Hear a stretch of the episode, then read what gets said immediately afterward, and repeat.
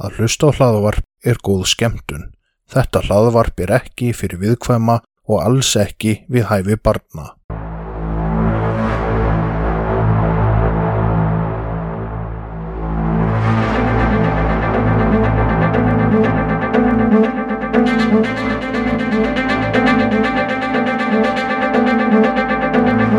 Þetta hlaðvarp er hluti af IK Network.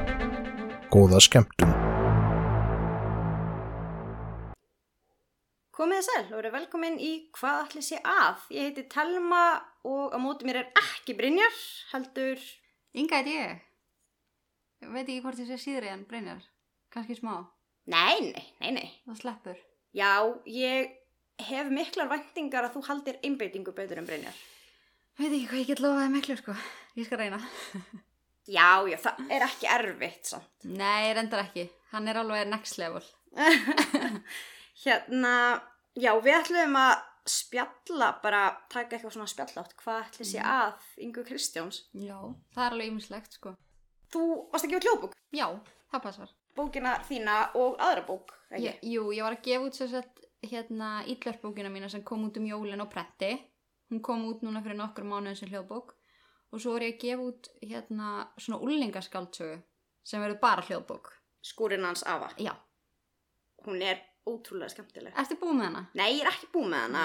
Ég er svona að geima hana. Mm. Hún er svo spennandi. Það er nefnilega máli sko, ég gaf hann út fyrir úlinga því að, veist, ég mann þegar ég var úlingur þá hafði ég svo gaman að svona kæristu bara uh, svona spennu sögum.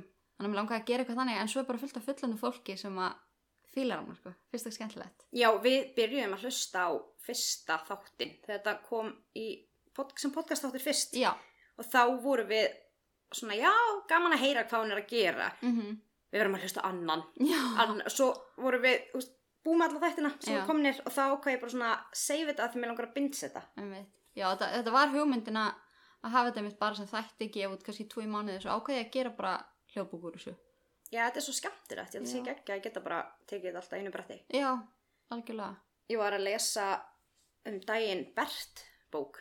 Já, einmitt. Það eru ógeðslega skemmtilegar. Þær eru ennþá fyndnar þó maður sé þrítur. Þannig að þetta er svolítið svona svipað. Þetta er skemmtilegt þó maður sé fullorinn. Mm Það er eitthvað svona við þetta, eitthvað svona spennu, kærust, bara rífast, eitthvað svona drama, ég veit ekki, það er alltaf eitthvað svona, Já, líka fannst mér ná svolítið vel þessum svona úlinga tilfinningum, Mhm. tilfinningaflækjum. það eru nefnilega svo flóknar. Já. Já, elsku úlingunum. En allar alltaf að vera reytuhundur. Mm, sko, ég ætlaði þangað til ég var svona 15 ára að vera hárgræslukona.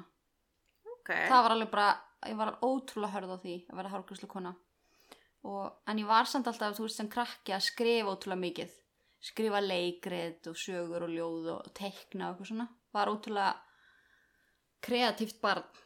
Skrifaður sögur bara á blöð sem bara. Já, ég var, þú veist, maður fekk alltaf svona verkefni í skólanum. Bara skrifaði sögu um það sem þú gerðir í sumar. Já. Og ég fór alltaf eitthvað svona ekstra mæl, veist, ég gerði alltaf einu bara tíu blaðsína sögu á meðan er kannski skrifið á halva blaðsíðu.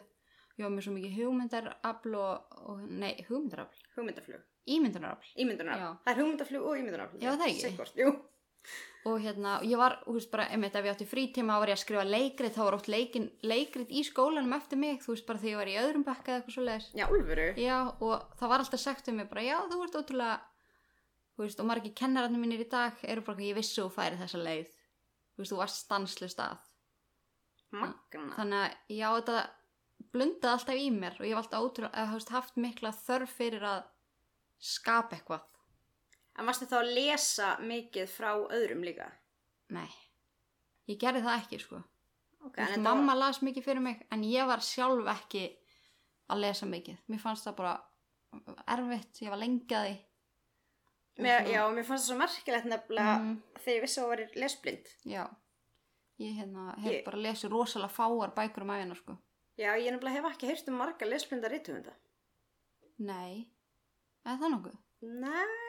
Eða, það, er einhverju til örgulega og getur verið margir sem ég veit ekki um. Mm En helstu að þú gætir skrifað bæ, þú, þetta verður aldrei haldið eitthvað aftur af þér. Ég hef alltaf verið svolítið svona, mm, hvernig hef ég að útskýra það? Ég hef alltaf verið svolítið svona bara að skrifa bara og mér er alveg sama og veist, ég hef alltaf skamma fólk sem er að leiðrétta mig á mikið.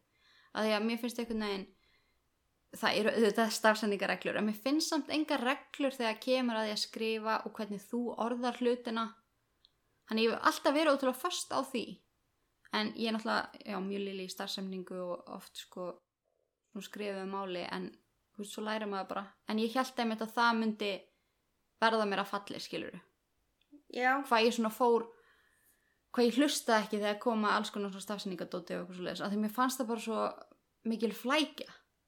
Veist, það eiðilaði flæði mitt, fattur á mig?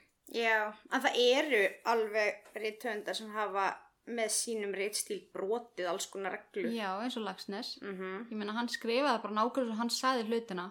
Já, hann fekk Nobelsvölun. já, Klísi, já, ég er alveg sammálunum með það. Mér finnst svona ef að það er verið að setja mér ómikinn ramma með hvernig ég orða hlutina og svona þá dettu flæði bara niður Heldur þú fóði Nobelsvölun?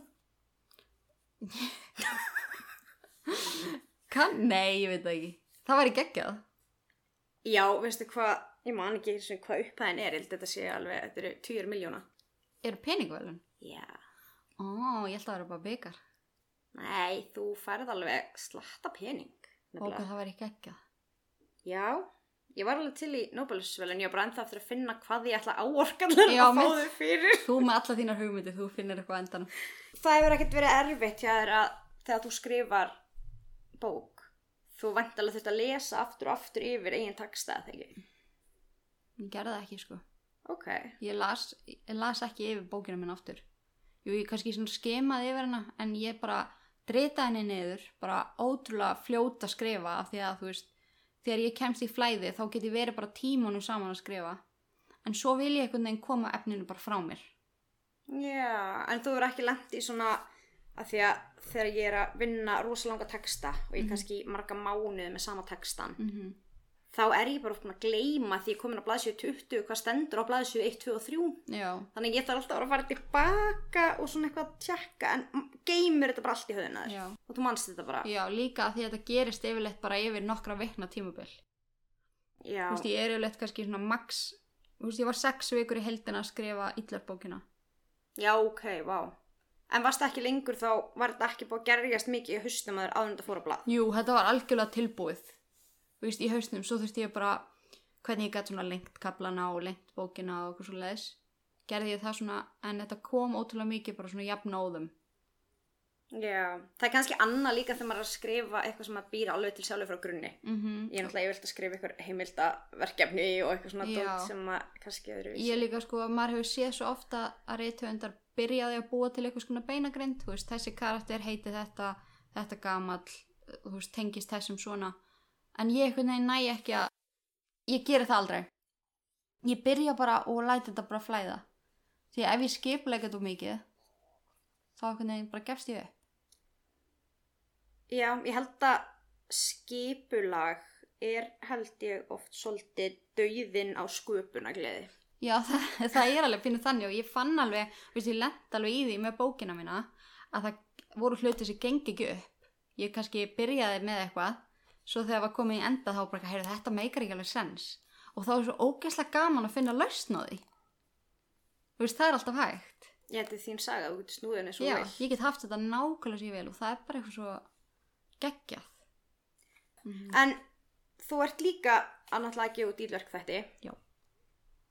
og byrjaðir að gefa út ílverk með símanðinn eða ekki bara Jú, ég byrjaði að taka upp 2019, þá ég man að ég var að keira heim frá Keflavík og vinnunni. Ég var bara eitthvað, mér langar ógeðslega að búti podcast. Þú veist, ég var að hlusta svo mikið á Erlend podcast. Ég fó bara um kvöldið og tók upp fyrsta þáttum bara í, þú veist, voice í símanum mínum.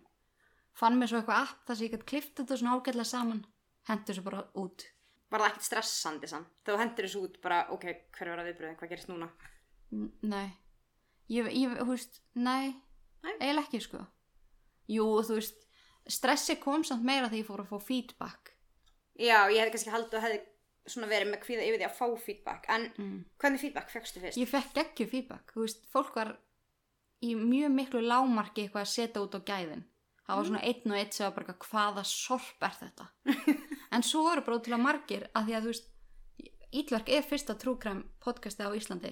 Ég er svona nokkrum mánuðum undan nokkrum öðrum. Já, Og það voru bara ótrúlega margir svo bara loksins, þetta er svo geggjað. Að því að elska allir trúkræm, flestir.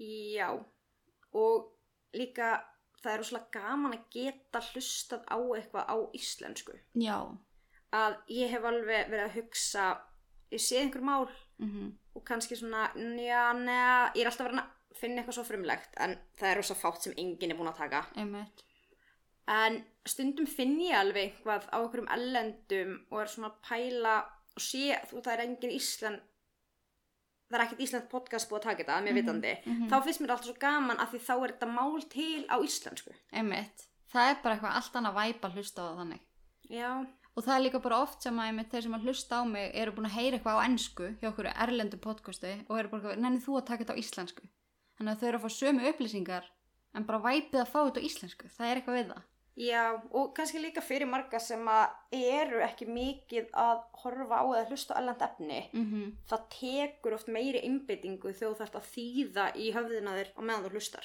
algjörlega, þú Já, getur svona sónað eins meira út á íslensku bara svona, Já, að því fólk er mikið að sopna held ég yfir trúkræm podcast. já, ég heyri það ótrúlega oft bara eitthvað, ég sopna svo oft með því eironum og ég bara eitthvað, úff, einmikið af fólki En nú er gæðin á ylverkun að breytast ógesla mikið síðan fyrst. Já, ég er alveg búin að já, þróa brandi mitt helling búin að fara gegnum alls konar Þú ert ekki lengur að taka upp á síma. Nei, það er, það er liðin tíð Nú ertu með stúdíó. Ég er með stúdíó og prodúser og alveg klappen bara Þessi snill. Já, þetta er geggjað, það er alveg magnað að sjá eitthvað svona sem að býr til sjálfur verða að einhverju verða atvinnunum hans í rauninni, þú það er magnað Mm Ég þarf stundum að klípa mig bara, hæ, er þetta þetta bara gekk upp Helstu að ylverk er þið jobbið, þitt, bara vin, vinna, aðalvinnan þín. Nei, ég bjóst ekki við því. Þetta var algjörlega bara hobbyið mitt, ég var í 100% starfi annar staðar og ég bjóst ekki við þessu. Veist, svo bjó, bjó ég til að áskriftaleðina í fyrra, í mæ og það var bara svona til að, ég veit ekki, prófa, gá hvort ég fengi ykkur að tekjur. Svo einhvern veginn bara sprakk það líka og það var í rauninu bara ekki fyrir lók, það var bara í desember núna þess að ég var bara, vá, ég get í alveg fara að gera þetta bara full time. Ég held að fólk átti sig ekki á því hvað er rosalega vinna að gera podcast. Mm Af því að ég átti þeim enga vinna á því. Hei, gerum bara podcast í stúdíostofu og þetta verður bara rosa gaman og þetta er rosa gaman. Mhm. En þetta er, það fyrir rosalega tími í þetta. Það fyrir mikill tími í þetta og það líka bara fer eftir því hvernig þú ert stemdur. Stundum emma bara ekkert stemdur til að skrifa mál, en þú verður bara að gera það. Já. Þannig að þú veist, það tekur alltaf lengri tíma, en veist, þetta er miklu meiri vinna heldur en að vera 8-4, allavega í mínu tölvöldi. Já, af því að þú fer náttúrulega heim úr vinnunni kannski bara kláðan fjögur og gerir ekkert meir. Nei, Ef það klikkar eitthvað í Mhm. áskriftapakkanum á miðnætti, þarftu þá ekki bara að redda því. jú, þú veist, bara með viðskiptavinni og alls konar, þú veist, það er alltaf eitthvað, en þetta verður bara svo mikið barnimanns að manni finnst þetta bara partur af sér eitthvað neginn. Maður gerir þetta bara með glöðu geði. En nærðu að eiga eitthvað svona aðskilið líf frá vinnunni eða ertu alltaf aðeins í vinnunni? ég er alltaf aðeins í vinnunni en ég er samt orðin betri í því að bara kúpla með þessu út þú veist, þegar ég er búin að skila mér öllu en svo fer eftir ég mitt hvað, veist, núna er ég að fara að skila inn öðru handriti, veist, það er alltaf eitthvað svona framöndan, Já, það er komið unni bók. já, kemur önnu bók sem er svona sjálfstætt framhald af ítverk bókinni núna um jólin, Ok, og kemur hún út á prenti eða í hljóðbók? bæði Bæði? mm Ok. þetta er svona, ég ætla að gefa karakterum í bókinni meiri dýft og koma með svona æskusöguna þeirra Já, svona, svona bakgrunnurinn aðeins. Já, þannig að þú þarft í rauninni ekki að lesa hana en þetta verður bara miklu meiri upplifun ef þú lest hana og þekkir söguna á bakvið karakterina. Þetta er svona sálfæraði trillir eiginlega. Ú, það verður spennandi. Mm Það er mjög gaman að skrifa þessa bók, sko. Er komið nafn á hana? Já, upprunni. Upprunni? Mm Vá, hvað það er spennandi. Já. Ég er mjög spennt, þannig að það er svona, þegar ég kúpla mig út úr ítverk þá er þetta svona hobbyið mitt, það sem ég er að dunda mig við núna. Ætla þú að lesa hljóðbókina sjálf? Já. Já. Ég ætla að gera það. Hljóðbókin Ylver, Mm hún er til sölun á ylver.is, eða ekki? Jú. Og hún er að koma á Storytel. Og hún er að koma á Storytel. Ég er náttúrulega að lesa hann ekki þar samt. Þú lest hann á ylver.is en ekki á Storytel. Já. Þannig að þeir sem að vilja heyra þig lesana, þeir geta keift hann á ylverk. Já. Ok. Það er að gera það og svo er þetta bara að hlusta á hann í appi og bara mjög þægilegt. En hefur ekki eitthvað meira breyst líka síðan yllverk kom fyrst út? Þú talar svolítið öðruvísi heldur en þá. Jú, ég hérna ég hafði náttúrulega enga reynslu af því að mitt upplestri eða eitthvað svoleiðis hef alltaf forðast það eins og heitan eldin þannig að það er alveg smá magnað að ég hef farið út í þetta að lesa eitthvað en jú, ég hef búin að æfa mig útrúlega mikið og æfi mig á hverjum degi veist, bara að beita röddinu minni rétt og fór til svona. Já, hvernig gekk það? bara mjög vel sko. Þú veist, það var bara verið að sína mig hvernig ég get beitt mig og hvernig ég get nota röddina mína betur. Þú veist, ég var svolítið svona ég var svolítið nefnmælt og talaði svolítið hratt og svona svolítið onni mig. Ok. en hún bara svona kendi mér að ég veit, bara beita mig betur. Og það er alveg ógeðslega fyndið að hlusta á fyrstu þettina og nýjustu. Ég reyna alveg að halda þú veist mér en veit, maður er orðinn svona svolítið skýrari og, og hérna, ég mismælu mig kannski ekki jafn mikið Það er ekki, það er ekkit sambarilegt Nei. að hlusta á gamlan þátt og nýjan þátt. Einmitt. þá líka sko í gamla daga þá, í gamla daga þá líka þú veist ég klifti ekkert út ég kannski mismældi mig og sagði kannski sexinu saman hlutin og það fekk bara að vera inni af því að þú veist ég gæti ekki verið að klippa þetta eitthvað í símanum Nei, það er mjög takmarkað mm -hmm. og það er náttúrulega, það tekur náttúrulega fleiri, fleiri klukkutíma að klippa eitt svona þátt. Þóttu sért ekki að gera það í símanuðinum. mm, já það tekur mér rúma rúm, það var eiginlega bara heilan dag að klippa sko. Já. áður en ég fekk eitthvað bara í það fyrir mig en, en já það er mikil breytingum og ég er búin að læra svo ótrúlega mikið. Maður er náttúrulega líka búin að fá fullt að skýta kommentum sem eru samt ótrúlega upp, upp, uppbyggjandi. Veist fólk er að kommenta á okkur sem ég alveg skilið. Ok, hvernig þá? eins og til dæmis bara að vera en- endalaust að sletta á ennsku það er bara mörgum sem finnst það mjög óþægilegt. Og einmitt, tala hratt óskýrt og, og hérna, já. Þannig að ég tók þetta bara allt eitthvað neður í bankan og lærði af þessu. Og er einmitt bara orðið miklu betri líka bara í að tala fyrir fram á fólk og þetta hefur nýst mér ótrúlega vel. Og ég er búin að læra einmitt bara stafsendingu og fallegri orðaforða og ég hef einhvern veginn ákvað að taka þetta allt í bankan í staðin fyrir að brotna niður og hætta sem er alveg svolítið ég sko þú veist ég á erfitt með gaggrinni en þetta var svo mikið passion hjá mér að gefa út þessa þætti og að ná til svona mikið fólk þannig að ég nýtti þetta bara Mér finnst það svo merkilegt við þig af því að ég náttúrulega séð alveg fólk kannski ekki ánægt og segir fólk er miskurtest Já. Og, og fólki gengur misvel að koma frá sig gaggrinni mm -hmm. en mér finnst alltaf svo aðdánavart hvað þú tekur alltaf miklum kærleika. Bara já, takk fyrir að benda mér á þetta, ég laga þetta. Og það er aldrei neitt svona Já, og ég hugsa alltaf bara, ok, ef að þessi manneskja er að gefa sér tíma í að skrifa þetta, þá væntalega meinar hún eitthvað með því. Og ég hugsa alltaf bara, allir vilja öllum vel, eða þú veist, ég reyna að trúa því, þótt að séu þetta ekki alltaf þannig. Þannig að mér finnst, mér líður líka bara betur að taka þessu svona, því að annars fyrir maður bara að gráta. Það er svo auðvelt að vera lítill í sér og þegar það er svona margir, þú veist, þegar hlustandunir eru orðnir svona margir, þá væri svo auðvelt að brotna bara neður og bara ég nennis ekki. En allir er vonduðið mig. já, ég held að- nefnilega að það sé kannski oft erfitt Mhm. að höndla svona en helstu að það myndi ekkert um að stoppa þig af því að núna ertu náttúrulega með lesblindu þú ert Mhm. að skrifa bækur, þú ert að skrifa þætti, Mhm. þú ert að lesa þá upp Mm -hmm. með fjöldan allan af fólki sem er að Mhm. hlusta á þig Já. og þú varst í talþjálfun Mm -hmm. og varst, varst ekki með, varst með ykkur málhömlum líka, Jú, ég, ég með eitthvað sem kallast, veist, mál helta, þú veist, besta hérna, orðið til að lýsa er bara mér vefst tunga um tönn, maður hefur heyrt það hérna orðtak. Í réttarhöldurum og svona. Já, og það er bara þannig að stundum þá kem ég bara orðin ekki frá mér. Ég bara, mér bóstala vefst tunga um tönn. Og þetta er eitthvað svona, þetta er svona ákveð, ákveðin tegund af stami eða þannig. Já, Þannig að það hefur alveg háð mér svolítið og einmitt hvað ég er alveg ofsalega mikið lesblind og með sjónskekju og stafinir hoppa bara um og þetta getur verið alveg ótrúlega erfitt en ég fundi bara svona tækni sem að henda mér svo þetta virki svo verður maður bara betri og bara ef ég síni sjálf með þólumæði og bara þá ge- gengur þetta alltaf endanum sko. Og það er ótrúlegt hvað er þetta að æfa sig mikið í upplestri. Já, ég nefnilega er svo mikið þeirra skoðunar að því að maður heyrir oft þetta viðþorf í lesblindur, ég get ekki lesið. mhm. En nú er ég náttúrulega alveg allt með lesblindu. Já, og það er svolítið mottóið okkar að það er ekki að hann get ekki lesið hann Mhm. þarf bara að æfa sig aðeins meir en aðrir Mhm. og ég var alltaf með kennara sem er rosalega klár maður hann þólir ekki þegar fólk sér að hann sé svo klár af því að hann sér alltaf neyið duglegur Já. hann er lesblindur og ég held að hann sé ándjóks með fimm háskólagráður hann er Já. heimspekingur, hann er klínisku sálfræðingur hann er með ég maður ekki man ekki einu svona allt en hann kennir á háskólaleveli hann Já. er briljant en hann er lesblindur Já. sem að þýðir að hann hefur bara þurft að hafa eins meira fyrir þessu Mm Því það er nefnilega sko, maður hefur tekið eftir að það er ofta mitt eins og við hefum oft rætt tengt lesblindu við eitthvað svona heimsku.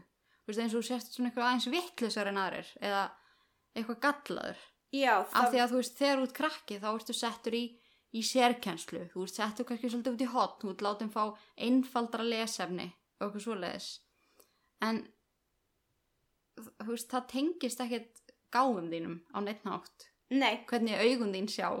nei það er nefnilega máli, mér finnst þetta svo merkilegt af því að ef þú myndir nota hirnatæki Mm þá myndi eflust enginn tengja það við greind Nei. en lesblindan af því hún hefur áhrif á þessa tjáningu að fólk gerir stafsendingavillur Mm og er lengi lesa, erfitt með að lesa Já. að þá er stundum eitthvað sama sem merki þar að vera vittlaus eða Mhm. heimskur og vera lesblindur Einmitt. en þú getur verið lesblindur og verið briljant 100% af því að þú getur ekki þú dæmir ekki fisk eftir getur til að klifra upp í tré Nei, einmitt. þannig að og greind er mest þetta svo markilegt þessi sálfræðinni þá var ég einum áfanga að vera að tala um hvað er greind Mm. greind er það sem greindapróf mælir Já.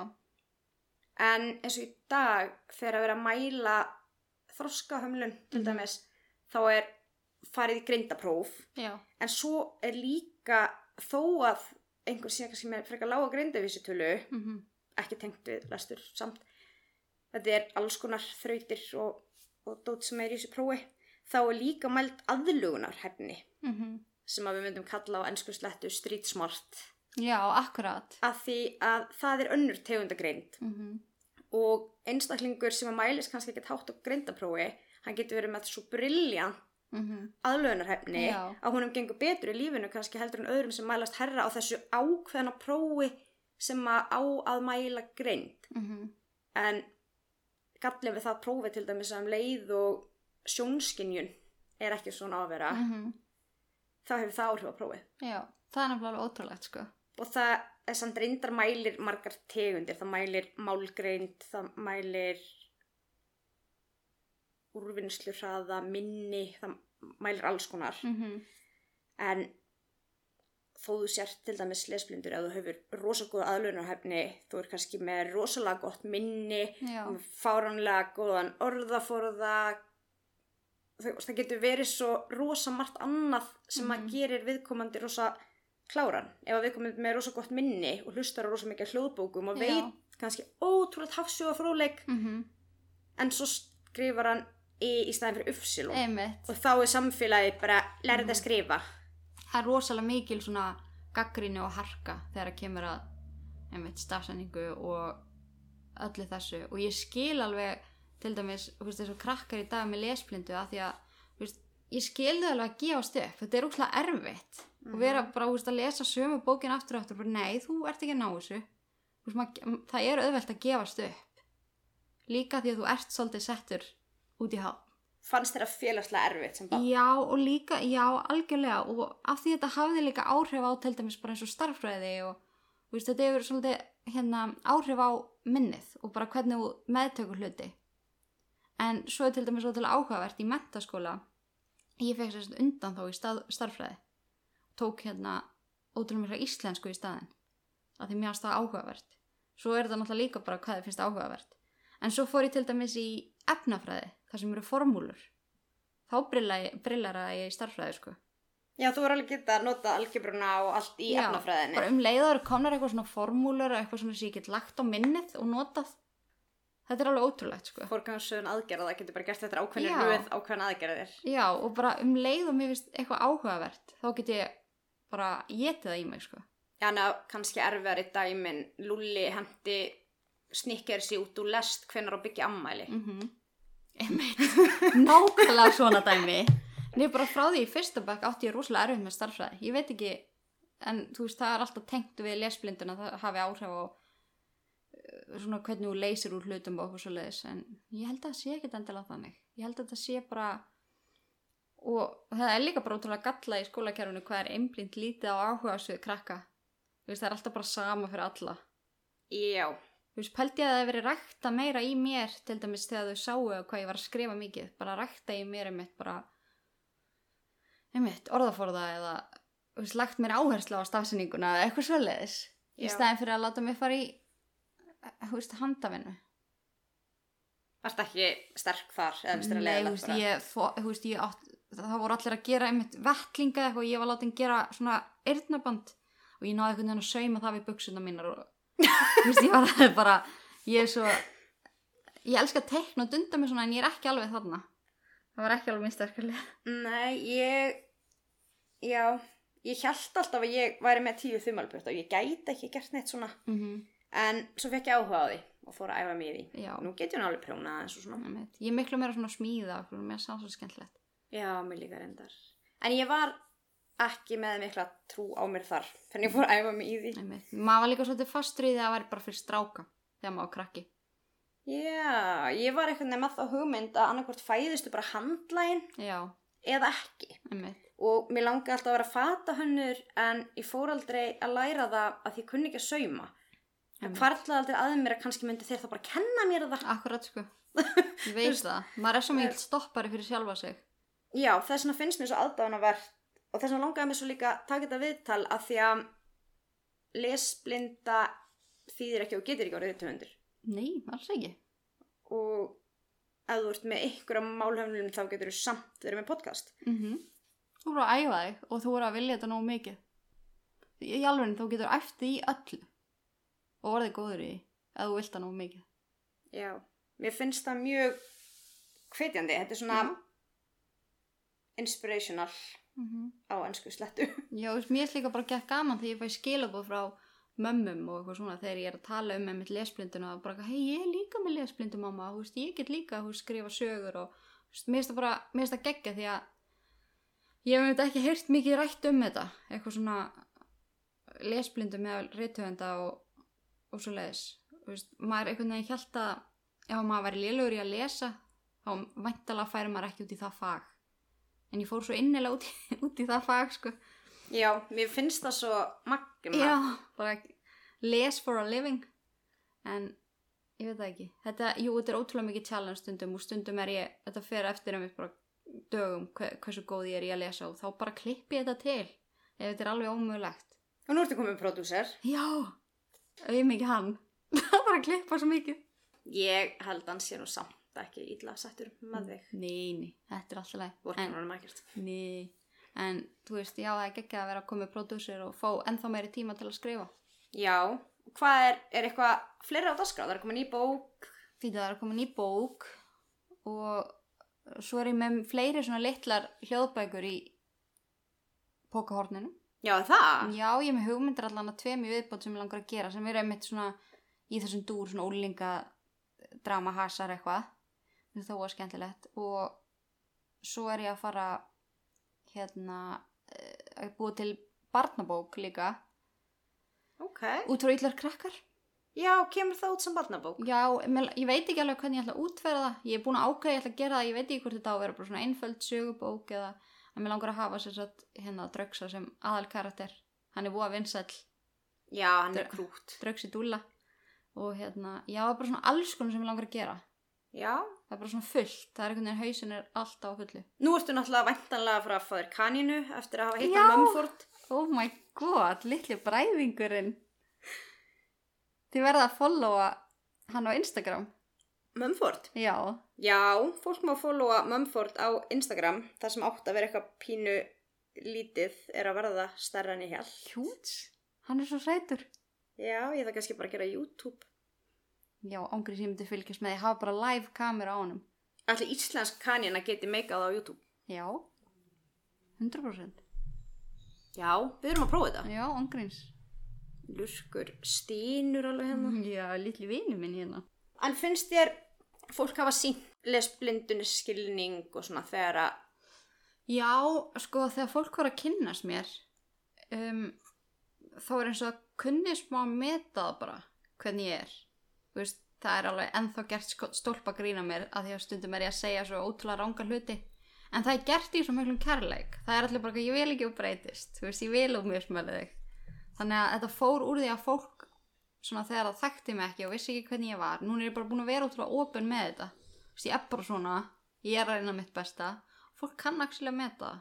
Veist, þannig að ég er hægt að fá svona vond komment þar sem fólk er bara svona reitt yfir því hvernig ég er. Yfir því að, já, það er bara, það er ótrúlega mikill svona kærleikur.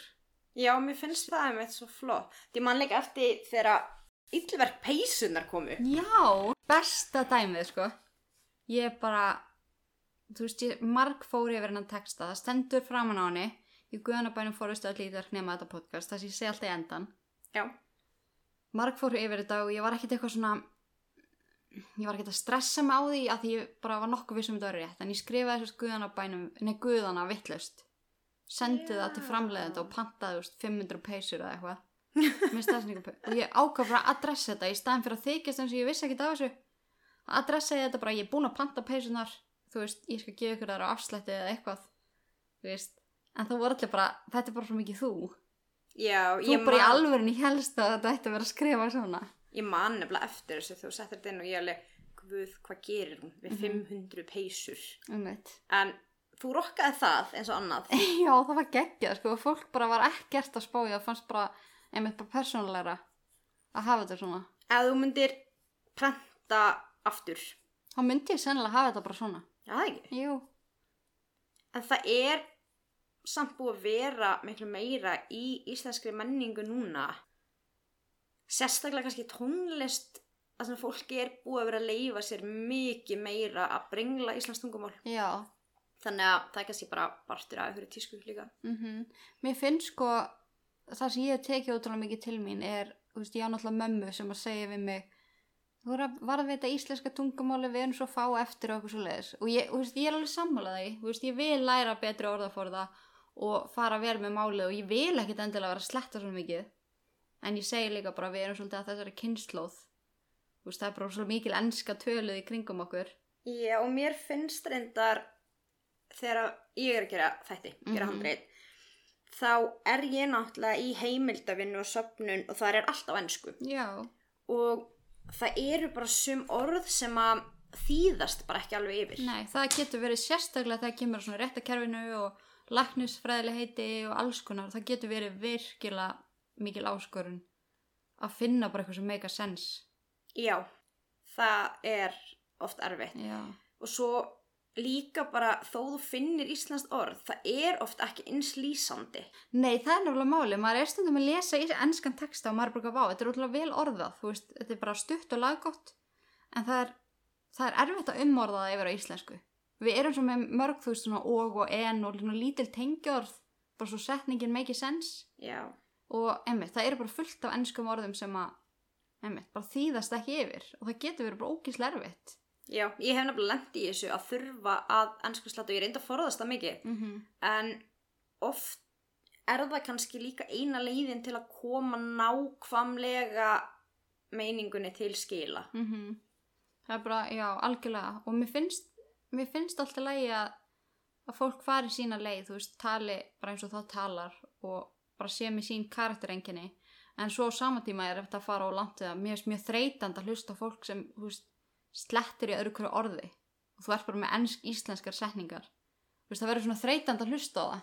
Já, já, þegar það er líka verið að sletta orðum bara eins og já og nei eða einhverju sem þú þarft ekki að sletta. og líka bara akkurat.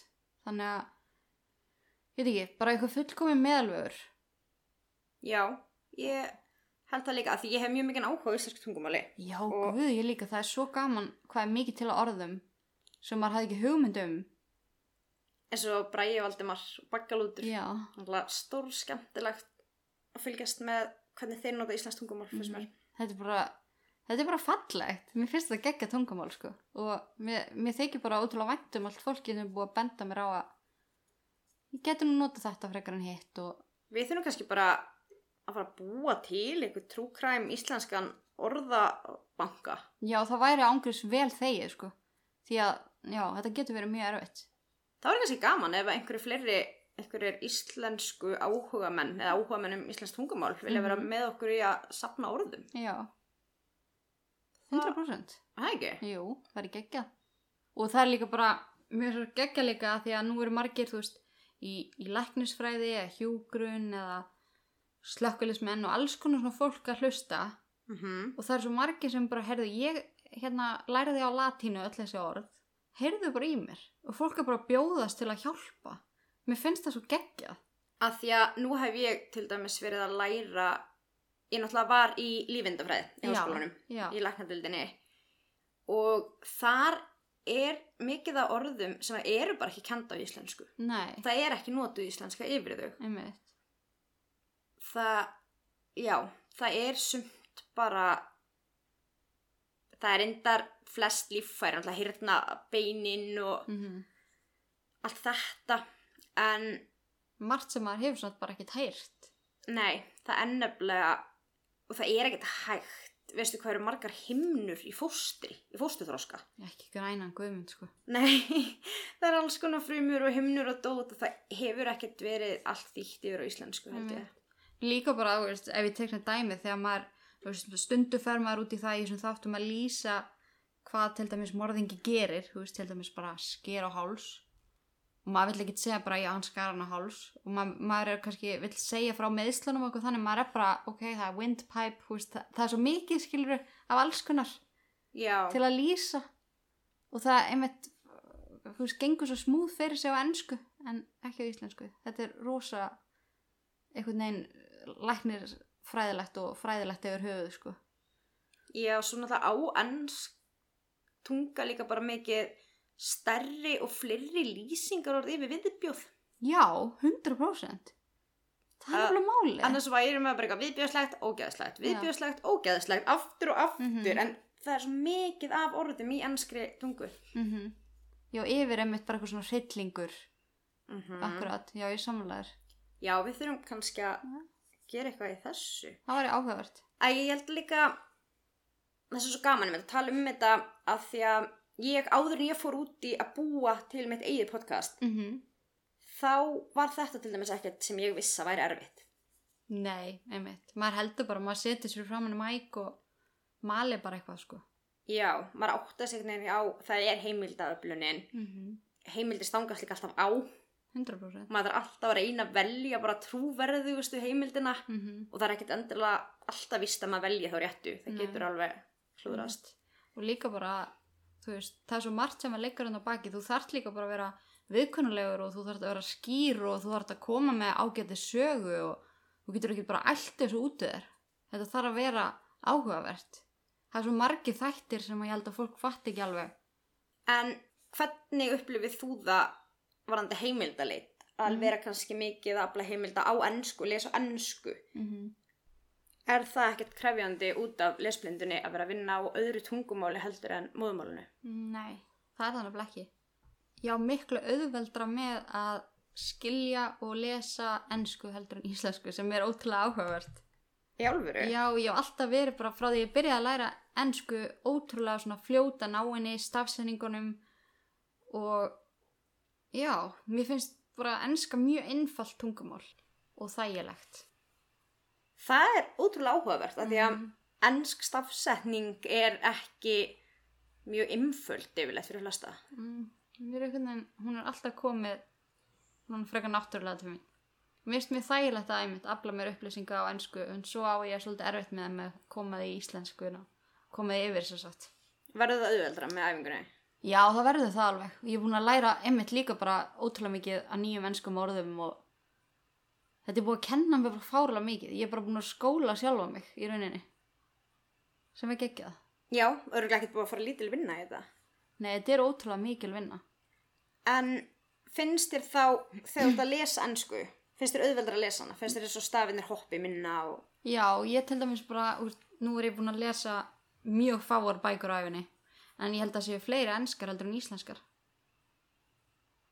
Mér finnst það ótrúlega merkilegt. Maður hefði ekki grunað það og ég finn ekki jafn mikið fyrir því að ég sé ég er að lesa ennsku ég veit ekki af hverju Þannig að ef einhver er lesblindur og það er kannski verið að háa honum mikið að lesa á íslensku en er ekki prófað að vera mikið að lesa á öðrum tungumálum, mm -hmm. þá er það kannski áhugaverð tilraun. já, en svo er mitt bara hljóðbækur, það er bjarga lífum hans Já, mér finnst það svo gaman líka núna hvað hljóðbækur eru orðnar algengar Mhm. af því að þegar við vorum krakkar þá var þetta bara blindrabókasafnið og það var á einum stað í Reykjavík og já, bara á að- geisladisk Já, á geisladiskum. mm Núna í dag eru börn með lesblindu til dæmis með blindrabókasafni verið með app í símanum þar sem þau hafa aðgang á öllu námsbókum öllu sem þau þurfa.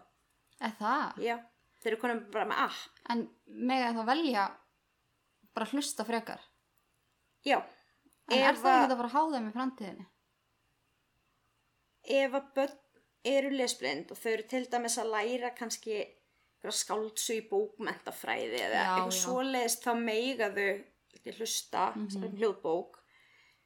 En auðvitað þau eru áfram í heimalestri Já, og þau já, lesa en þau þurfa ekki að lesa allt, ekki eins mikið. Okkur það er gott. Og það er til dæmis þessu samrænduprófunum getur þau fengið spurningar lesnar í tölvu.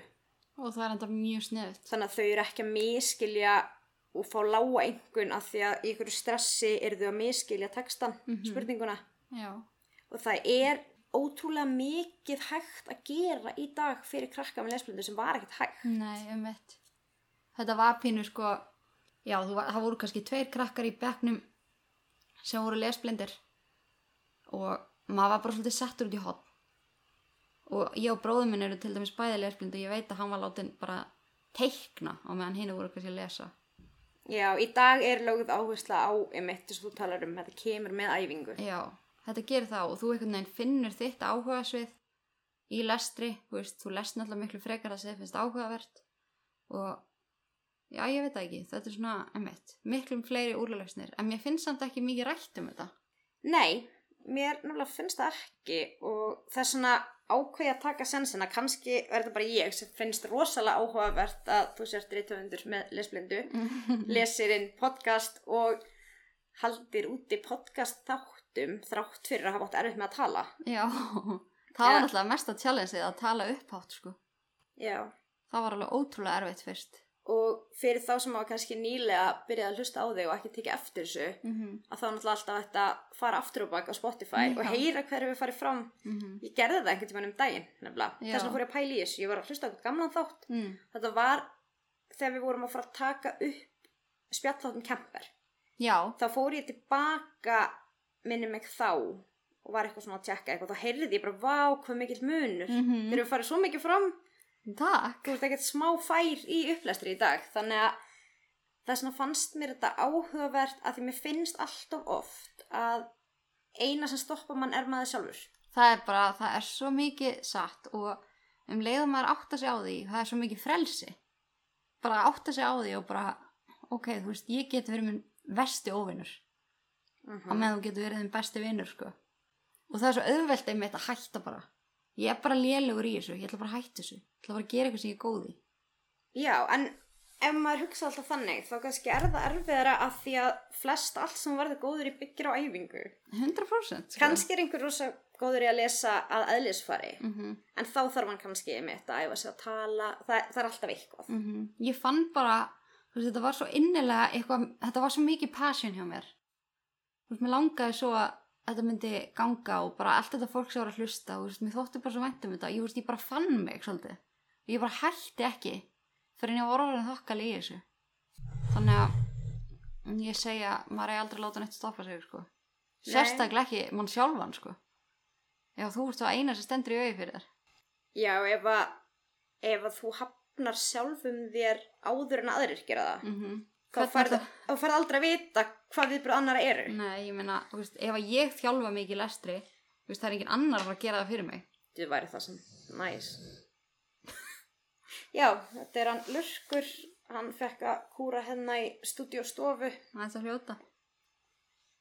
en þú varst alltaf að gera sögur sem bann Já. en manstu hvenar þú byrjar að áhuga á true crime Já, það var um það leiti sem að Sönni Ísla Sagamál fór að vera á stöðtfu. Þá hérna, eða var það ekki á stöðtfu? Jú, mér minni það. Ég hérna mátti ekki horfa á þetta náttúrulega. Þú varst í sama pakka og ég, verð alltaf að stelast fram að Já. kíkja. Ég nefnilega sko, mamma mín og pappi voru bændur og hérna, þetta var oft þannig að það var endur sín daginn eftir, á daginn. Kannski bara klukkan tvö eða eitthvað. Já, það. Já, og þá voru ég og bróðum minn komin heim úr, úr skólanum. Þau voru kannski úti að, vin, að vinna. Þá stálust við til að horfa á þetta voru náttúrulega skítrætt, sko. Bara sváum upp í og eitthvað. En mér fannst þetta svo áhugavert og ég er oft miskilið með það eitthvað svona, hvað finnst þér svona áhugavert við morð? Veist, mér finnst það ekkert áhugavert. Þú veist, ég hef ekkert sérstaklega gaman að lesa um hvað var gert nákvæmlega. Mér finnst bara svo áhugavert hvað fyrir fram í hausnum á þessu fólki og um þetta að lesa bara um bakgrunni þeirra hvað þau hafa mikið sameinlegt og bara, hú veist, mannlega hliðin á baku þetta allt saman. Finnst mér svo áhugavert, allt er svona fjarrir mér. Já, ég hef verið spurð að þessu um mig hvernig að því að ég hef í gegnum tíðina haft mjög mikið áhuga á Edmund Kemper. Já, og fólk hefur alveg spurt mig hvernig getur fundist hann æðislegur, hann er ógeðslegur. Mm en mér finnst hann ekki æðislegur, mér finnst hann fascinating já, hann er áhugaverður bara er svona svo. heillandi Mhm. uh, jú, það er kannski besta þýðingin en það er ekki ekki það sem hann gerði, það sem að mér finnst áhugavert, ég er búin að krifja þetta rosa mikið Mhm. ég hef áhuga á því hvernig fólk tekur ákvarðanir já, akkurat, þú veist hvernig komst einhver að þessari ákvörðum mm Þú veist, hvernig gerist þetta? Einmitt. Af því þetta er, ég held að sé þetta er svo fjarrir manni sjálfum. Mm já, bara 100% maður tengir svo innilega ekki hvernig þetta einhvern veginn æxlast svona að fólk gerir svona hluti eða hvað þá einmitt að vera raðmörðingi, bara í mörg ár. Ég bara, ég veit ekki, maður fær sektakendi yfir svona litlum hlutum í dag, skilur þú veist, ég bara fær sektakenda að ég veit ekki, bara út af hverju fárlegu, þú veist, hvernig er þetta að lifa með þessu? Það er nefnilega svo áhugavert. Mhm. og það sem ég held að í grunninn er oft og þetta er hvernig þú tekir ákvarðanir hvernig þú réttlætir ákvarðanir sem þú tekur. Mm -hmm. oft er náttúrulega að spila fíkn og alls konar annað inni Mm en það er eitthvað svo áhugavert við hagðin Já, og það er í rauninni það sem að heillaði mig aðalega við þetta. Og líka bara mitt spennan og, og Másson, Másson spilaði mikið þátt í að gera þetta spennandi ég er bara ætula þessa mannin sko. Það er svo dásamlegt að hlusta á hann er hann með bestu rödd sem ég nokkuð tímann heyrt. Já, hann er líka bara ég veit ekki hvort þau eru eitthvað tímann kynntir hann sjálfan. Hann er bara geggjaða karakter líka. Hann er mjög áhugaverður einstaklingur. Og hann er náttúrulega hjálpt áfram það er búið að vera núna sannislega sagamál og storytell Já, ég er búin að hlusta það. Hann er bara, þú veist, hvað hann fer faglega með málinn og, og veist, hann er alveg klálega svona mitt mitt insbó já, þegar kemur að þátt að gera hann og Mike sem er með Swords and Scale. Já, ég hef ekki kemd með það en ég meit viss að hann væri mikið fyrirmynd hjá þér síðast um ásvon ég elska bara, þú veist, ég elska bara þegar það er bara sögðsagan bara, hún, er- hún er bara sögðin og það er ekkert verið að skafa af neinu. Fær bara alvörun í söguna. Það er ekki alltaf mikið af einhverjum hljóðum og, og drama og æ, fattur mig? Þetta þarf að vera alltaf raw. Já. það. Já, ég er sammála því líka alltaf svo ég held að þessi yngi sem slær sigurst í másun út í heimildavinnu Nei, hann er geggjaður. Hann er líka bara með svo mikið af svona samböndum og eitthvað.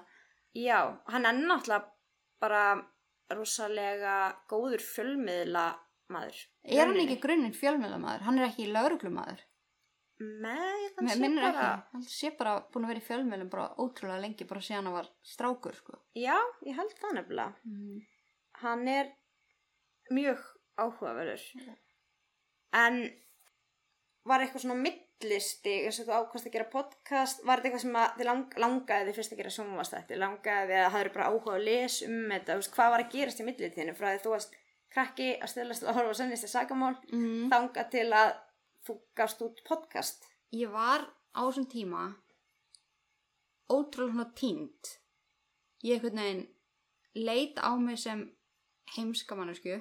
Þú veist, mér fannst ég alltaf bara ótrúlega vittlaus af því að þú veist, ég átti rosalega erfitt með hann að fyrstu ári mín í mentaskóli. Ég var rekin tvisa fyrir lélega mætingu og, og ég lagði svo mikið upp á því að vera skvís og þú veist, það fór bara öll mín orka í það þú veist, mín úlingsár fóru í það að geðjast öðrum, allir til að líka vel við mig, veist, vera með stærsta vinahópin og veist, ef ég hugsa tilbaka þá var ég veist, þá var ég bara svona skelin af sjálfur mér þannig á milli.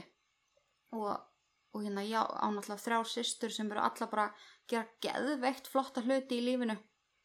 Og ég horfði á þær og ég bara, ég mun aldrei vera eins og þær. Ég mun aldrei ná þess að ég bara, það er allar háskólamentaðar og, og ég er svo heimsk og þetta var svolítið hugsunarátturinn og svo náði ég að æla mér í gegnum mentaskóla kláraði henni MK sem var bara fyrsta sinn sem ég náði í markmiði skiluru í skóla og ég var ótrúlega stolt af því. Og ég var samt svo ótrúlega leitandi. Þú veist ég vissi ekki hvað mér langaði að gera. Þú veist ég fór að vinna hérna hjá sýstu minni sem að uh, regu lindags á Íslandi. Og hérna vann mig upp í starfi þar og var svona, þú veist, vil ég kannski vera eitthvað svona ræktapjessi, fór að vera ótrúlega mikið í ræktinni.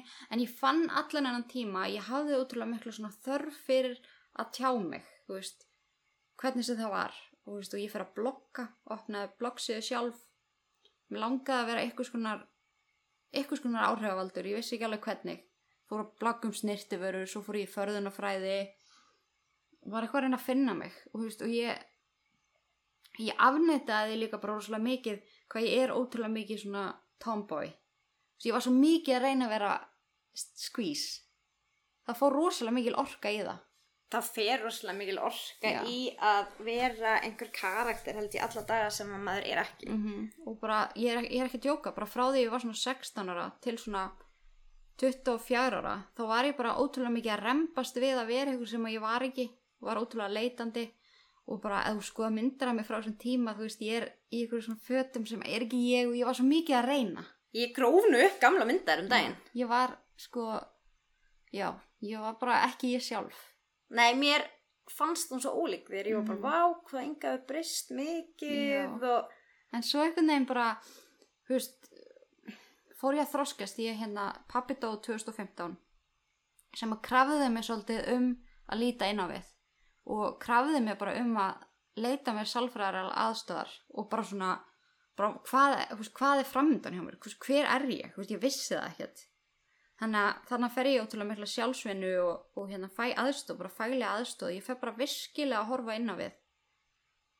Og það er þannig að 2019 hvað er þá gömul, 26 ára. Það sem ég fer svona virkilega bara svona ok, þú veist, ég er ekki þessi skvís sem að ég er að reyna að vera. Og þú veist, ég er bara ég veit það ekki, ég veginn bara fór að finna mig. Og hætti að rempast svona mikið við að vera eitthvað sem ég var ekki af því að ég er ekki að tjóka hversu mikil orka fer í það?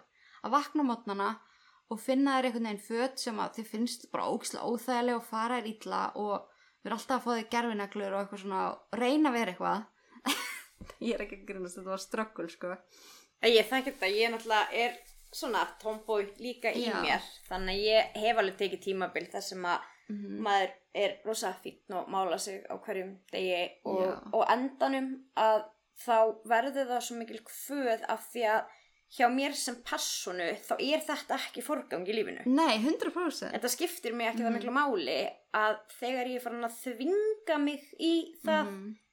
ef þetta er þetta er rosalega erfitt að útskýra en einmitt, þegar fólk, þú veist, þú ert alltaf svo fín um daginn en nú ert ekki lengur svona fín, bara, nei, núna er ég ég og mér liður vel. að það er nefnilega máli sko, maður fær hrós þegar maður er þú veist, auðvitað fítn og, og, þú veist, og allar þessar stelpur á Instagram og allt svona einhvern veginn þegar maður horfir í kringu sem maður er bara vá, er ég bara eitthvað drastl og þú veist, maður og þú veist, maður hugsaði svona á tímabili bara, vá, ég er bara ekki worth it.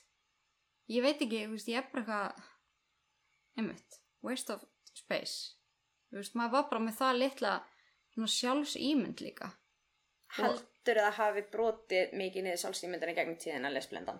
Já, gerði það sko. Og þú veist, let mér líða eins og ég væri vittlaus enda þú veist, er það kallað tossabekkir, þetta er kallað null önn þetta er kallað null áfangi þú veist, og það að fá undan þá í starffræði, það var svo blöyt huska andliti, mér fannst ég svo ógeðslega vittlaus. Starffræði kennari minn var bara, þú veist, við verðum bara, við getum þetta ekki lengur út, búin að taka þrísasinu en rúláfanga. Við þurfum bara að gera eitthvað í þessu og ég var sendið í greiningaferli og fekk ég undan þá, en svo blómstræði ég til dæmis í íslensku. Þú veist, ég fekk bara geggjaðar enganir í íslensku.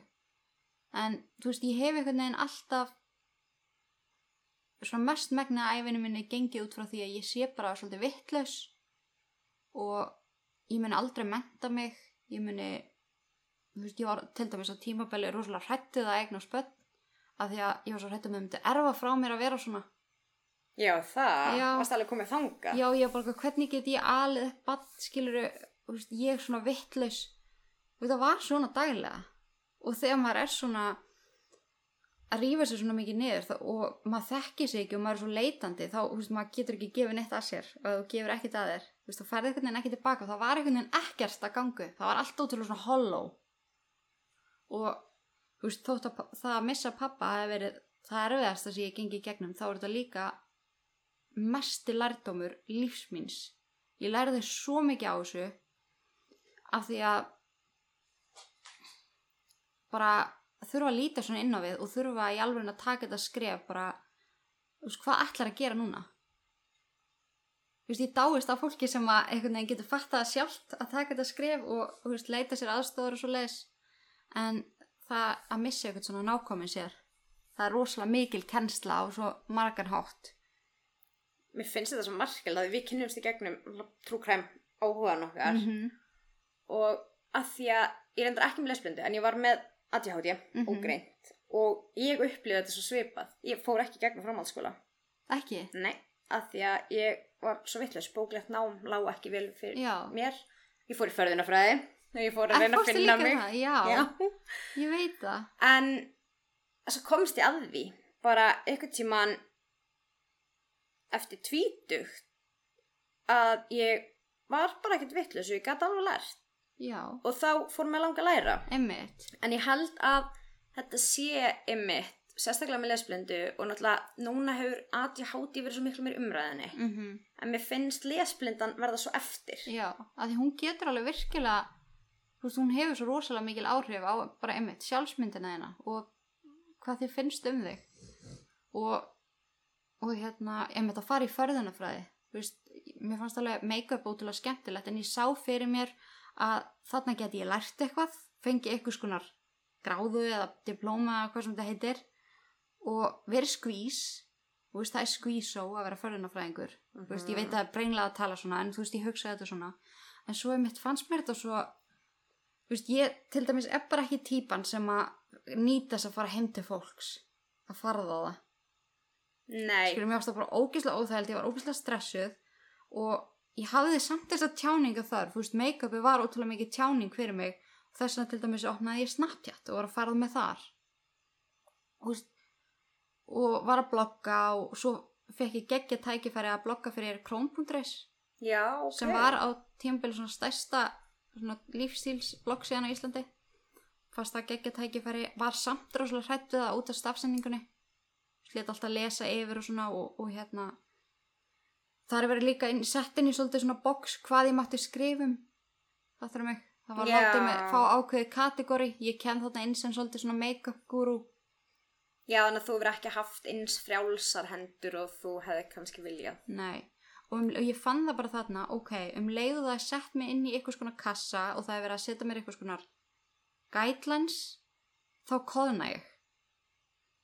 Þá hætti mér að finna slutin skemmtilegir. Það er rosalega erfitt að skapa innan ramma. Mm -hmm. Og ef þú ert mjög skapandi, Mm þá held ég að sé mjög stórt challenge, eða svona stór áskorun. Einmitt. Af því að ég held lengi að ég væri ekki skapandi. Mm Ég bara hefði ekkert skapandi í mér. Einmitt. Og nú er ég samt alveg frekar skapandi típa. Já, En ég held að vandamáli var einmitt að ég var alltaf að reyna að skapa eitthvað sem passaði í kassa. já, maður var að reyna að skapa eitthvað svona sem make a sense og væri einhvern veginn inn í norminu af því að maður er einhvern veginn alltaf að reyna að vera normal og eins og hinnir og svona ekki skera svo mikið út en bara um leið og, veist, mómenti þess að þú áttar þig á því að þú átt ekki að reyna að falla inn í eitthvað kassa þú veist, verstu bara þú, af því að ef þú ert ekki þú þá gerir það enginn fyrir þig, sko. Það er enginn að fara að rífa þig upp. Þú verður bara að gera það. Og ángríns þetta bara þetta er svo geggja moment að uppgöta eigi frelsi. Sem að maður er búin að læsa sig sjálfur inn í búri skilur allan innan tíma. Og bara svona reyna að kæfa neður það sem maður er í raun og veru ef að þú hefði kannski fengið meiri kvartningu mm til að vera skapandi já, heldur að það hefði breytt miklu fyrir þig frá grunnskóla, ef að það hefði verið meiri áherslan ég veist öruglega veist, ef það var veist, ég var alveg, fekk alveg á, ákveði rými, veist, ég fekk að skrifa leikrit og ég fekk svona ákveði frelsi en það var bara mikil áhersla lögð á eitthvað sem að meika ekki ekki sens fyrir mig sem er auðvitað bara skilda í grunnskólan fyrir alla já, en, en hérna, þú veist, það var svona, já, mentaskólinn, það sem að ég virkilega svona brotnaði niður. Veist, þar var ég bara ekki neitt, veist, það voru bara allir klárukrakkarnir í 300 áfangunum og allir heimskukrakkarnir voru í veist, þetta er bara þín, þú veist, þú er bara á þriðjuhæði, sko, þú veist, ég var allir í FSU, sko, sem er mest svona klíku skóli á Íslands. Já, ég var svo hissa emitt þegar ég frétti það að í FSU hefði verið þriðja hæðin og þetta var eitthvað svona hæðaskipt eftir því hvar þú stóðst félagslega þá eða? Já, það er bara þriðjuhæðin, þar varstu, það var kallað dýragarðurinn. dýragarðurinn? Já, og ég til dæmis, ég hef reyndar aldrei sagt neinum þetta, en þetta er svolítið áhugavert, en ég hef einhvern veginn aldrei, það er aldrei skipt með máli, þú veist, hvernig fólk lítur út, eða hvaðan það kemur, eða hvað það gerir, þú veist, bara ég tengi bara við fólk sama hvað, þú veist, ég hef aldrei spáð í neina þannig, þannig að ég kunni gett oft vel við fólki upp á þriðu hæð, sem var stundum svona félagslegt átkast, eða kannski eitthvað svona aðeins öðruvísi, þú veist, passaði ekki kassan Já, passaði ekki kassan, þú veist, ég veit ekki hvernig ég á að lýsa þessum- þessum típum, þau voru kannski bara klættu sig öðru í sig, voru með hatta eitthvað svona, en þetta var oft bara ógeðslega skemmtilegt fólk en ég skammaðist mér fyrir að vera upp á þriðahæð af því ég vildi náttúrulega vera skvís. Af því ég var líka tengt, þú veist þeim sem voru á neðstuhæðinni og aðal svæðunum. Þannig að maður böstaði sig oft við að fela sig, þú veist, ef eitthvað var að fara að labba framhjá í tíma á þriðahæð en þannig að, þú veist, ég hef alltaf verið rosalega opinn fyrir fólki en ekki alveg haft sjálfsöryggið í það fattur mig? Já, kannski dæmt sjálfan þig en ekki aðra. Já, þannig að ég vildi ekki missa skvísustempilinn með því að láta sjá mig með dýrakarskrökkunum sem er ógeðslega leðilegt að segja en ég veit ekki hann alveg, þetta var þannig. En svona lítil bæjarfjölu geta verið svolítið nasti en mér finnst þetta svo gaman samt núna 2021 Mhm. að við erum á staða sem við erum að tala um þetta. Já, emmitt að þetta er ekki svona tabúlingur, það má alveg viðurkenna að samfélagið er ekki fullkomið og það Mhm. þarf að bæta svo margt. Emmitt, en þú fórst í sálfræðings já upplifur það svona tabú eitthvað neginn Mm, já, ég gerði það af því að það er mjög mikið af geðrænum vandamálum í fjölskyldunum minni. Þá sérstaklega hjá ömmu minni heitni. Hún var ótrúlega andlega veikona og það var og það hefur í gegnum tíðina verið svona talað niður veik, svona andlega veikindi og oft kallaða aumingiskap eða leikraskap eða eitthvað svona. Og þú veist, fóreldrar mín er eitthvað svolítið á gamla skólanum, það er svolítið svona býtt á jakslinn væp, Já, það vissi bara- þig upp úr og svo halda áfram. Já, bara, þú veist, sparki raskatið og halda áfram, þú veist, það var svolítið þannig. Þannig að þú veist, ég skammaðist mér svolítið fyrir það kannski ekki beint að vera að leita mér aðstöða með að missa pappa því að þú veist ég varð bara að gera það til þess að geta að lifa eðluru lífi en þegar það fór að koma í ljós að ég væri kannski með kannski sömu geðrænu vandamál og amma þú veist, þegar að kom í ljós að ég væri með veist, bipolar og OCD og eitthvað svona alls konar þú veist, þá fann ég að mér fann svolítið óþægilegt að segja frá því. Að því að ég var svo hrætt um að fjölskylda mín myndi horfa á mig eins og ég væri eitthvað svona smá klikku skilur bara já ok, þetta útskýrir nú ég með slegt fattur mig? En þú hefur sagt fólki frá því og þú ert hérna að segja frá því. Já ég bara hik ekki við það. Þetta gerir mig bara þess að ég er sko.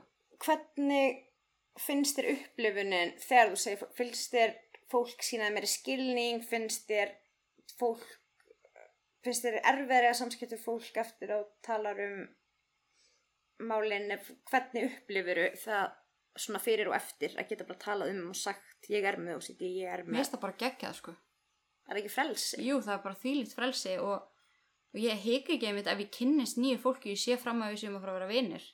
Finnst mér bara alltaf að fólk viti það. Og viti hús, hvaða down og hvaða lows nei hérna ups and downs skilur að fylgja þessu því að það getur alveg verið erfitt að vera náinn mannesku með bæpólar þú veist ekki alltaf hvað þú hefur hana. Nei, það er nefnilega það sem ég held einmitt sé svo gott við hvað geðsjúkdómar eru ekki lengur tabú. Mm -hmm.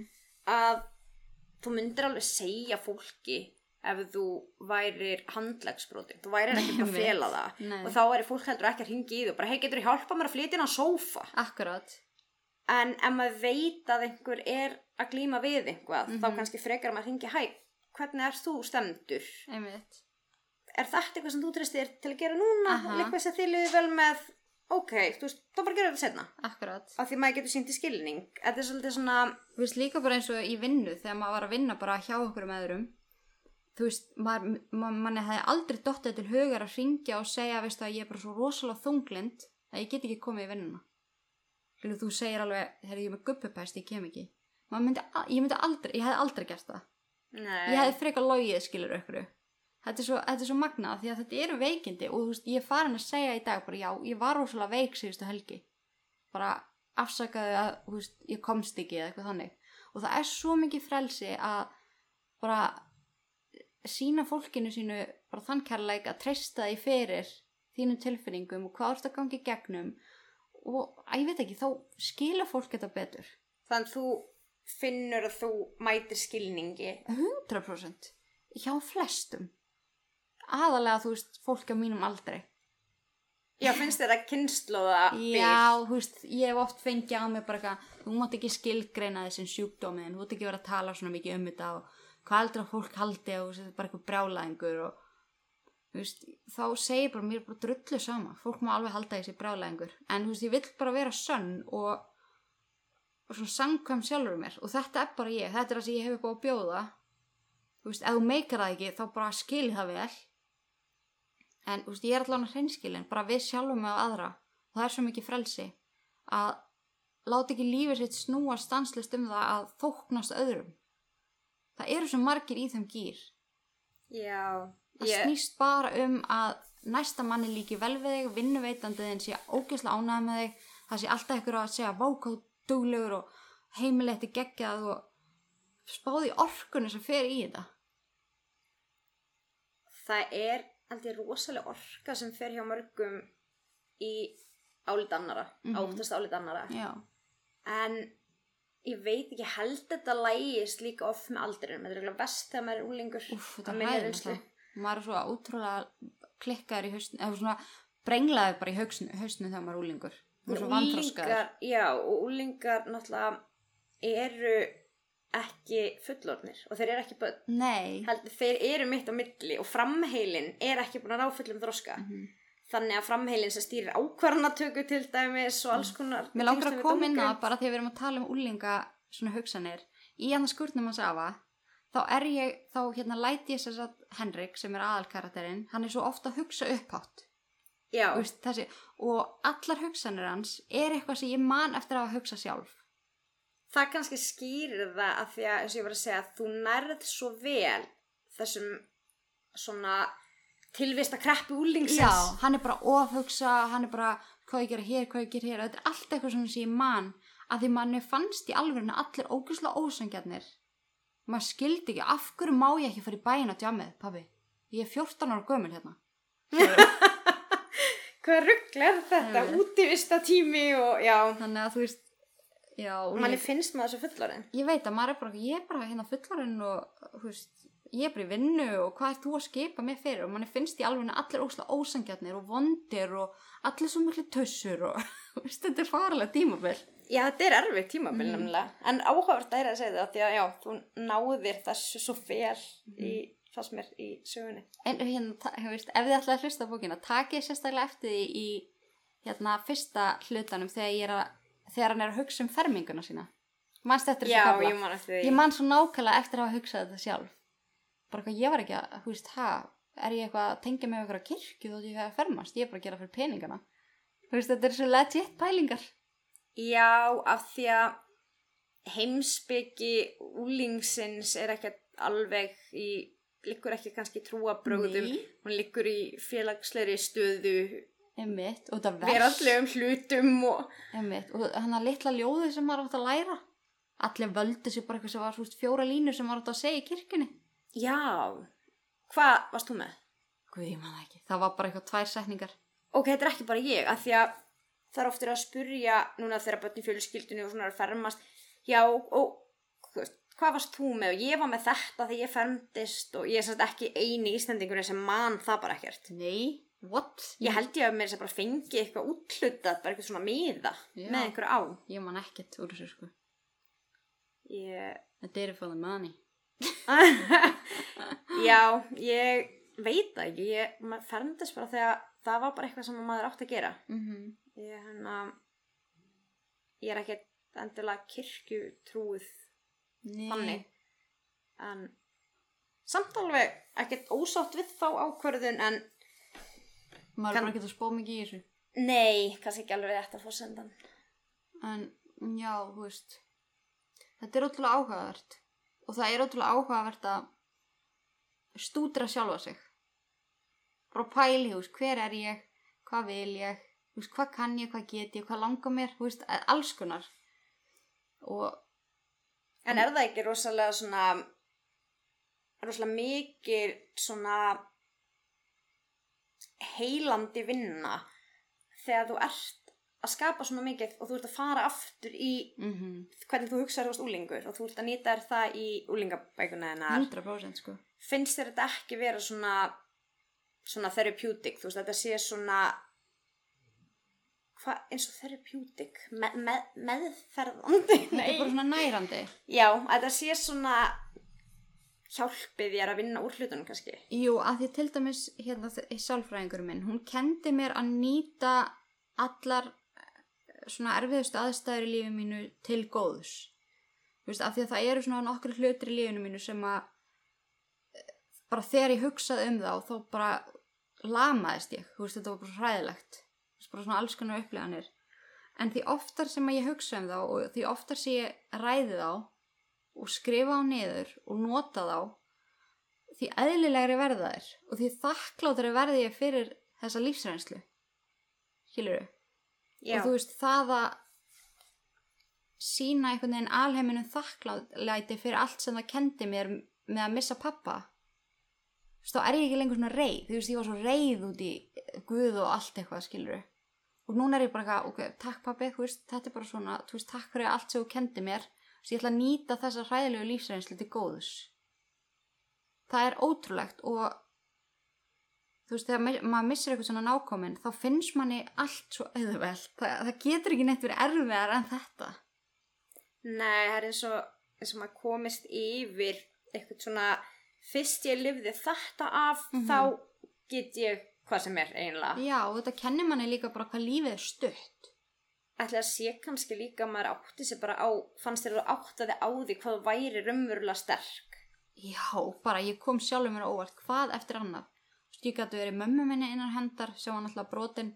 Þú veist, litla bróðum mínum, ég gæti það var fullt af hlutum sem ég gæti gert sem að ég hefði aldrei ímyndað mér ég gæti. Þú veist, að fara aftur að vinna þú veist, vinni sjálfur mér, ég var bara fókin vel gertinga þú bara varst að þú veist, ég, þú, ég var svo hraðri leið neður að verða bara mjög lasin sko eftir þetta.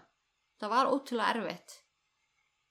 En ég veit ekki, sama hvað þú í það og getur alltaf nýtt þetta til góðs. Þú ert bara að vera þólumadur þar sem að Brynjar er ekki með okkur núna Nei. og hann hefur mikið verið að vinna með T-Talk já, ég er mjög gaman að því. Þannig að hann hendi í safna spurning, hann hendi í að safna spurningum fyrir þennan þátt. Ok, þannig að núna erum við með liðin Ask Big Mama. Ok, ok. Af því að hann kallaði alltaf Big Mama. Já, vist það gegja Herðu, ok, og það er alveg nokkuð marga spurningar hérna sem hann var búin að safna frá hlustendum. Alright en það var, hvað langaði þig að vera þegar þú erði stór? já, horgræsleikuna Já, við vorum búin að koma inn á Mhm. það það var upprunalegi draumurinn Já, bara alveg först á því, sko. uppáhalds bakkelsi Bakkar sér langi jón. Með karmelu. ég var að tala um þetta brinnjörnum daginn hérna þetta sem ég elska og ég man aldrei hvað heitir Mm. og er á vínabröðum Já, gula. Já, er það inn í langajón? já. Bara, hann er fullur á því. ég held ég hef aldrei smakkað almennilegan langajón Oh my god, það er svo gott með gókumjölk. Já ég þarf að fara í gekk Úf, já, gekobakir, þeim er geggjað svona. Mm. Þið voru að borða hann í bollur í rauninni. já það sem að Brynjar kallar brundbólur Já, en það er basically, það er basically bara sama langi nema í búin að bollu formi. já og það er svo gott það Þetta er er svo gott. svona vaniljkrem og svo Nutella Mm og þetta er bara fullt, þú bara býtur í þetta og það bara svona lekur æ, nú þarf ég að keira á salfos þetta er svo gott Þetta er svo gott, ég geti lifa á bakkelsu, sko. hvernig kemur gegabakari í Reykjavík? Það er góð spurning, sko. Ég þarf bara að íta eftir husband. já, ég vil fá gegabakari í Reykjavík Langjón, það er, já, það er vel valið Já, það er svo geggjað. herðu, uppáhalds þáttur af hvað ætli sé að? Ú. Mér finnst það eiginlega að sé óklifti síðasti. Núna séðast bara Já. ok, Mér fannst það ókvæslega skemmtilegur. ok En svo fannst mér enda þáttasýrjan með Marjorie líka mjög skemmtileg. já, hún var svolítið súr Súr. það ekki Nei, hún var svona geggjuð. Já, bara eitthvað ógeðslega spennt. Ég var bara eitthvað, ó, mér langar í alla partana. ok ég, einhvern veginn finnst mjög líklegt að Brynjar hafi komið með þessa spurningu Mm. uppáhalds illmenni Ílmenni. Mm. Já, ég held ég haldi mig við það sem ég segi alltaf, Jeffrey Dahmer. ok, Ég, ef ég á raukst eða það eitthvað, þá fannst mér hann bara mjög áhugaverður. Mér fannst svo áhugavert hvað var mikið svona, hvað var góður. Og þú veist, í viðtölum og svona, svona vinalegur. já Og hérna svona, að ég veit ekki, ef maður hefði þekkt að hann hefði verið vinum hans, þá held ég að hann hefði verið svona góði svona stráka vinum hans. Það þurfum hans. já, já, ég reyndar hef allt og lítið kynnt mér Mm. bæði Gín og Damer einhvern veginn Já, ég er svolítið eins og þú með hérna Ed Kemper þegar kemur að Damer. Ég búin að kynna mér hann óslega mikið. já, þú ert Damer sérfræðingur Já, mér svolítið klikka bara, mér finnst allt klikka við málið hans því að hann átti ekki slæma fjölskyldu þannig hann er bara rosalega frábrugðin öllu eitthvað. já, já, er ekki alltaf hillandi svona það sem er svo öðruvísi Jú, eitthvað svona allt öðru þessu sko. en hvert langaði mest að fara til hvaða lands þá Ú, mér finnst það góð spurning. Um, mér langar að, sko, ég er rosalega mikið fyrir að fara í svona borgarferðir á söfn og mér langar út til að fara til Þýskalands og, og skoða sérst, allt tengt hérna, heim, heimstyröldinni. Langar að gera það, en svo langar mér líka að fara einmitt til, þú veist, einhverju sólalanda. Bara það sem er út til að tær strönd og ég veit ekki alveg. ok hver er tilgangur lífsins tilgangur lífsins er að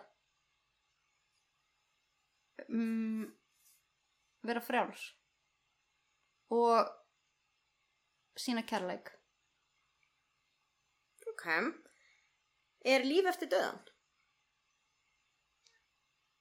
Uh, nei. Nei, ekki, ekki svona líf eins og við lifum en það er eitthvað eftir döðan. Ok. Uppáhalds fataverslun? Ú, Lindex. Ég elska Lindex. Já, Lindex er líka alveg með svona sustainable choices og Mhm. svona það er líka bara svo vel rekið og já, skemmtilega starfsfól já. Það var líka eru- gaman að vinna þar. Þeir eru það ekki líka bara í sambandi við samfélagslega ábyrð þar eru þeir svolítið Mhm. sterkir eða ekki? Þau eru bara ógæslega mikið til fyrirmyndar í öllu. Bara, einmitt starfsfólki sem er að sauma, veist, það er að hugsa svo vel um allt og ég elska þetta fyrir þig. Hlutlust mat. Alveg hlutlust svo kemur næsta spurning Selfoss er spurningamarki ég myndi segja að Selfoss er um, Anall Íslands Nei, ég er að djúka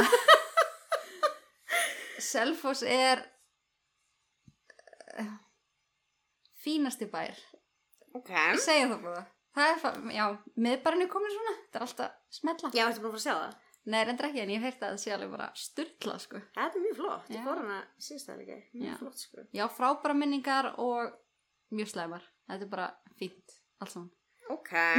Meðaltali fínt. Já, já, segjum það Með eða móti nýrri stjórnarskrá. Með, Ok. ekki láta mér aukstu það, ég veit ekki akkur Nei, það var ekkert svo sem í spurningun um það. Næ, fínt, Hvað fær Inga sér á pilsu? allt nema ráan Stundum kartöflusalat Já. Það er ógeðslega gott var að gleyma því. Það er þeng. mm. Hver er fyndnasta manneska sem þú þekkir? Ú Örgulega bróður minn, eina bróður Ok. Hann er mjög fyndin Þetta með sama húmor ég hérna. Uppáhalds ísbúð. Huppa Huppa í, í Garabæ Í Garðabæ. mm -hmm. Ekki upp á Salfossi. Ég hef aldrei farið hana Ég, ég er náttúrulega bí sko bara í sama húsi og huppa í Garabæ þannig að ég hef alltaf, fer alltaf bara þanga Þannig að við erum alltaf reglulega bara fyrir utan hjá þér. Já, basically, frá planinu mínu Já, ok. Hata eða vera hötuð? Vera hötuð Vond að hata Fiskibólur í dós eða fiskbúðingur? Új, bara hvorugt sko Fisk í búðingu, hvað er það? Er það svona svo kjötfass? Ég held það er ekki bara eitthvað eins og fiskibólur í dós sem er búið að breyta í búðing eða. Új, það bara hljómar ótrúlega illa Þá er það síðasta spurningin, ertu tilbúin? Já, Ríða, drepa, giftast, Ú, ok. Damer, Böndi, David Berkovits. Ú. Ég myndi sænga hjá Ted. Til drepa Berkovits giftast damer nei, býtu, býtu, býtu, býtu ég myndi giftast Ted. Sofa hjá damer og drepa Sam son of Sam. Ok, af hverju? Sko, ég held að þetta hefði verið svona skorsta eiginmannsefnið. Hann náði Já. að vera í hjónabandi nokkuð lengi. Hann var vist líka alveg fýtt stjúpappi og... Já, ég held, þú veist, hann líka alveg myndalegur, skilur. Já, En Son of Sam, hann var aldrei við hvern mann kendur. Já, ég held að þetta er svona og damin, hann er bara svona one night stand, skilur. Drífið mig bara áður en hann setjum hún í tunnu. heldur að hann myndi ekkert háu þessu að hann er, var samkynniður. Jú, reyndar, því ég spáði, hann alltaf var ekkert fyrir konur, sko. Nei. En þú ert smá tombo í þér. Það Já, er ég kannski er getur ekki- gengið. Ég geti kannski bara mitt Já, já Sett upp eitthvað trukkalessi lúk og láta þetta virka Þú er ekki þurft að reyna að púla skvísuna. Nei Já, ég held að þetta sé svona Nokkuð fínt Þetta var góð spurning. Krefjandi Þessi kom Pottið brunari Já, ég leifi mér að ég mynda mér það. En ég fór að pæla og tala um þetta því að flestir serial killer sem að hafa verið gagkinnir þeir hafa átt konur. Já, og konunar yfirleitt fundu eða yfirleitt, bara eiginlega aldrei fundu neitt sérstaklega fyrir þessu og margar komið með bara fjöllum Já. Þú voru bara, hæ? Ekki maðurinn minn. er það morðing þú veist, spáðu bara í því, segjum bara þú ert hérna heima og Brynja væri kannski bara hann væri ekkert í vinnunni Eftir kommentið í síðasta hvað ætli sé að, já, þá veldi ég því stundu fyrir mér hvort það sé eitthvað aðna. En ég hugga mig bara við að við eigum ekki bílskúr og hann Nei. hefur ekkert pláss fyrir hann að tá. nei, akkurat sko vonum að sé bara í vinnunni en þú veist, það er bara svo ótrúlega að hugsa til þess að þetta voru bara svona eiginkonur, þú veist, bara eins og við bara, þau heldur bara að þeir var í vinnunni eða eitthvað af því að þeir voru flestir í bara, einmitt, einhverju venjulegri vinnu og komu svo bara heim og voru bara búin að þrýfa sig og eitthvað búin að kála þeim stundu var þetta bara í skottinu að býða eftir þeim Já, eða þeir fóru kannski bara út á nóttun og drápi kona þeirra var sopnuð eða... Nú fer maðurinn minn í vinnun á nóttunni. Já, er fólk mikið að hverfa svona á heiðinni? Það er bara búið mjög mikið mannsfall núna á Selfossi. Þetta er bara að hverfa. Já, það. Það er spurning hvað hann er að gera í raun og veru. Þið þarf kannski að fara í sumafrí í tvær vikur og skoða söfn og sjá hvort þetta hættir. Einmitt. Alveg spurning, sko. En þetta er bara, þessu klikka, sko, bara að setja sig í þessar aðstæður, bara þetta er bara fólk eins og við. Bara með heimili. Ég pældi að komast af því að giftur ykkurum sem er bara myrðandi fólk. Já, eins og til dæmis hann að BTK, mannst þetta er honum. Já, Hann var til dæmis bara giftu konunni sinni í 29 ár. Áttu með henni tvö börn, var ótrúlega svona mikið fyrirmynda faðir. Í þú veist, þú veist, ykkur 15 eða hvort það var 17 ár, var hann búin að vera raðmóningi. já. Og hún bara, ha? BTK minn? Já, hún kallaði hann það náttúrulega ekki. Og hvað hét hann Hann er? Dennis, Dennis Reiter. Dennis Reiter, já. Þetta er, þetta er ótrúlega, sko, þetta er styrla. Áhugavert. Já, það verður skemmtilegt follow-up allavega efni þátt ef við kæmum svona að því að menninir okkar væri annarkvæður þeirra væri raðmóringi eða eitthvað. Já, þá myndum við nú klálega að gera eitthvað gúrmið þátt. Já, það fyrsta sem við gerðum Já. bara, hei, hendum í Já, podcast. ég myndi setja hann í áskrift. Þú erum að hagnast eitthvað á þessu. Já, um mitt. Herði, já, erum við það ekki bara um að spjalla ótrúlega mikið um þig? Jú, það er langt síðan ég tala svona mikið um sjálfum mig. Vonandi hefði gagn og gaman af. Það var mjög einlagt og skemmtið að spjall. Já, ég opnaði mig alveg hérna búið átt. Það er búið gott að gera það. Já, manni líður vel eftir á. Mm. Viltu bæta einhverju við sem við fórum ekki yfir? Bara, hú veist, hafið það í huga það sem ég var að segja. Ekki fangelsa sjálf ykkur og trúa á það sem þið er að gera. Sýni kærleik og ást og umhyggju og þá er allt gott. Eða ekki? Já, takk fyrir. Já, bara takk fyrir mig.